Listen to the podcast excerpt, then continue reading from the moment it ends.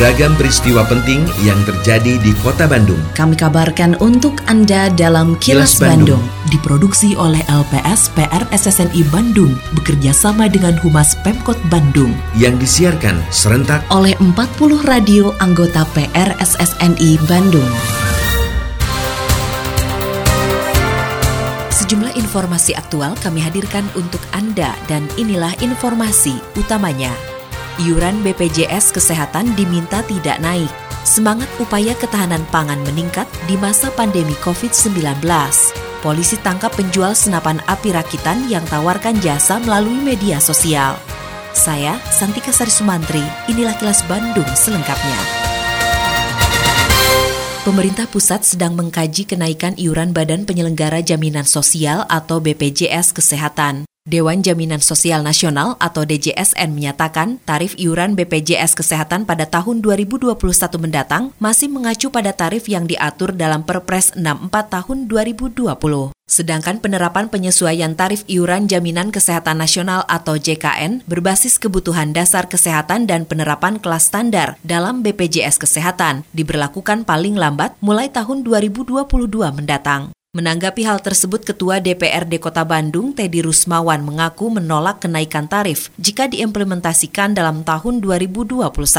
Pasalnya saat ini masih dalam kondisi pandemi COVID-19, sehingga kemampuan masyarakat dan pemerintah daerah juga terbatas. Menurut Teddy, peserta BPJS Kesehatan yang menunggak iuran dapat meminta bantuan Basnas dengan catatan membawa surat keterangan tidak mampu atau SKTM. Bantuan pembiayaan iuran diberikan kepada peserta BPJS Kesehatan kelas 3 yang tidak mampu atau kesulitan membayar.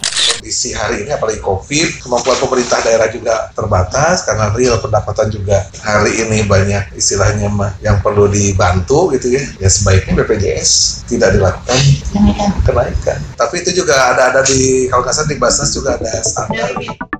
Terkait dengan berita sebelumnya. Wakil Wali Kota Bandung Yana Mulyana mengaku keberatan jika iuran Badan Penyelenggara Jaminan Sosial atau BPJS Kesehatan dinaikkan mulai tahun 2022 mendatang. Yana mengatakan meski rencananya akan ada kenaikan iuran BPJS Kesehatan, hal itu masih dalam pembahasan, apalagi muncul keberatan dari masyarakat. Seperti dilaporkan reporter Evi Damayanti, meski merupakan kebijakan dari pemerintah pusat, Yana berharap tidak ada kenaikan iuran BPJS Kesehatan. Terlebih saat ini kondisi ekonomi masyarakat masih terdampak pandemi COVID-19, sehingga akan memberatkan jika dilakukan kenaikan iuran. kan itu masih ditinjau ya saya pikir ya masih ada keberatan lah dari beberapa kelompok masyarakat kan itu masih dikaji akan naik tapi belum kan sekarang masyarakat sedang terbebani oleh berbagai eh, terutama dampak pandemi COVID-19 dibebani dengan hal itu rasanya sih cukup berat juga ya. Itu kan tapi kan kebijakan pusat atau kita juga nggak tahu.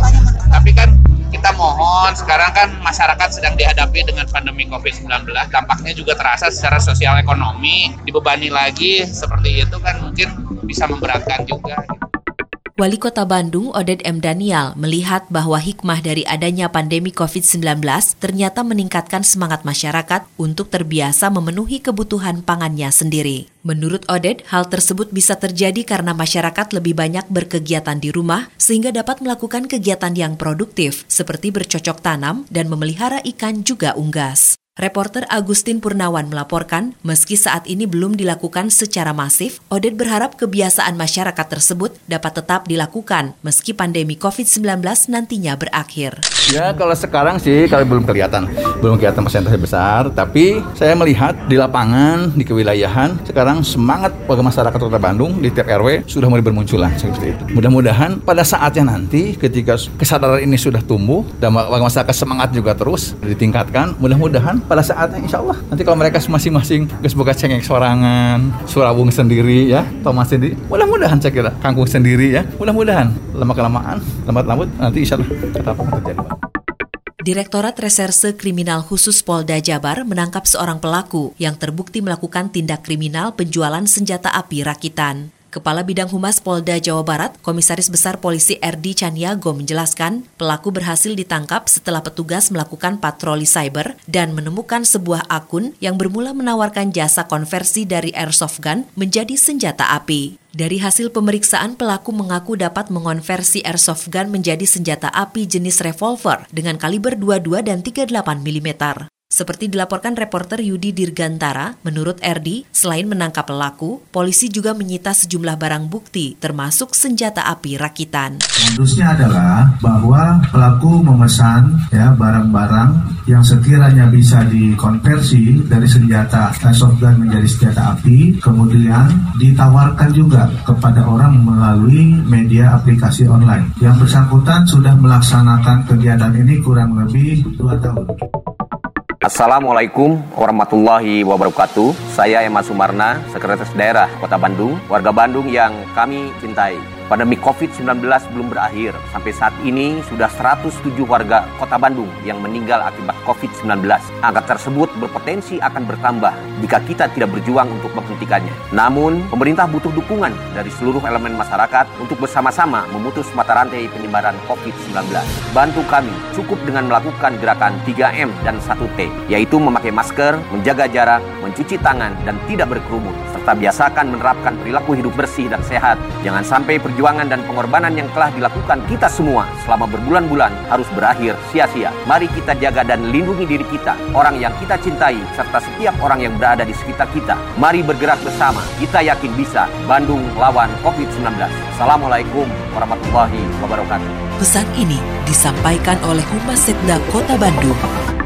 Memasuki musim hujan, PT Kereta Api Indonesia Daerah Operasi 2 Bandung mewaspadai sejumlah titik rawan bencana seperti tanah amblas, longsoran maupun banjir. Humas PT KAI Daops 2, Noksi Citrea mengatakan, untuk mengantisipasi gangguan perjalanan kereta akibat bencana alam saat musim hujan, pihaknya telah menyiapkan sejumlah personil dan fasilitas pendukungnya. Reporter Suparno Hadisaputro melaporkan, menurut Noksi, para petugas akan memantau secara intensif sekaligus menangani daerah rawan bencana untuk memberikan jaminan keamanan dan keselamatan penumpang juga operasional kereta api. DKI 22 telah menyiapkan sejumlah langkah antisipasi. Di antaranya menjaga selama 24 jam penuh daerah titik rawan seperti rawan ambles, kemudian longsoran dan juga banjir. Tentunya kami juga telah menyiapkan petugas-petugas di daerah rawan tersebut jumlahnya sekitar 250 petugas daerah rawan dan juga flying gang atau regu cepat siaga yang memang nantinya akan memantau secara intensif dan juga melaporkan apabila terdapat gangguan di lintas Kini, audio podcast siaran Kilas Bandung dan berbagai informasi menarik lainnya bisa Anda akses di laman kilasbandungnews.com. PT PLN akan menambah jumlah stasiun penyedia listrik umum atau SPLU, sehingga masyarakat tidak lagi khawatir terkait fasilitas pengisian kendaraan listriknya. Penambahan SPLU ini juga untuk mendukung konversi kendaraan listrik di Jawa Barat yang dimulai dengan penggunaan kendaraan dinas bertenaga listrik di lingkungan pemerintah Provinsi Jawa Barat. Direktur Niaga dan Manajemen Pelanggan PLN, Bob Saril, mengatakan pihaknya berencana menambah SPLU di sejumlah tempat jika semakin banyak masyarakat atau pemerintah yang menggunakan mobil listrik untuk operasional. Seperti dilaporkan reporter Suparno Hadisaputro, saat ini PLN telah menyediakan 471 titik SPLU di Jawa Barat dan satu unit stasiun penyedia kendaraan listrik umum atau SPKLU di Gedung Sate. Setiap saat kan kita bisa ngecas di rumah. Jadi kita jangan khawatir walaupun belum ada infrastruktur sebegitu banyak yang seperti uh, tempat pengisian umum, tetapi kalau di rumah kan setiap saat bisa. Kalau kita berjalan jauh, cukup misalnya ada outlet colokan ya sudah bisa kita. Itu yang penting. Kemudian kita akan usahakan ke depannya kalau pada jam-jam tertentu kita akan memberikan diskon kepada uh, yang mengecas pada waktu-waktu uh, tertentu. Yang 471 yang SPLU ya, SPLU-nya, tetapi SPKLU-nya satu, tetapi akan banyak lagi karena ini dan permennya mengatur kan bisa juga bekerja sama dengan pihak swasta. Lindungi diri dan keluarga dari COVID-19 dengan selalu memakai masker, mencuci tangan dan menjaga jarak, serta menghindari kerumunan. Patuhi protokol kesehatan di masa adaptasi kebiasaan baru untuk mencegah penularan virus corona. Terima kasih Anda telah menyimak Kilas Bandung bekerja sama dengan Humas Pemerintah Kota Bandung yang diproduksi oleh LPSPR SSNI Bandung.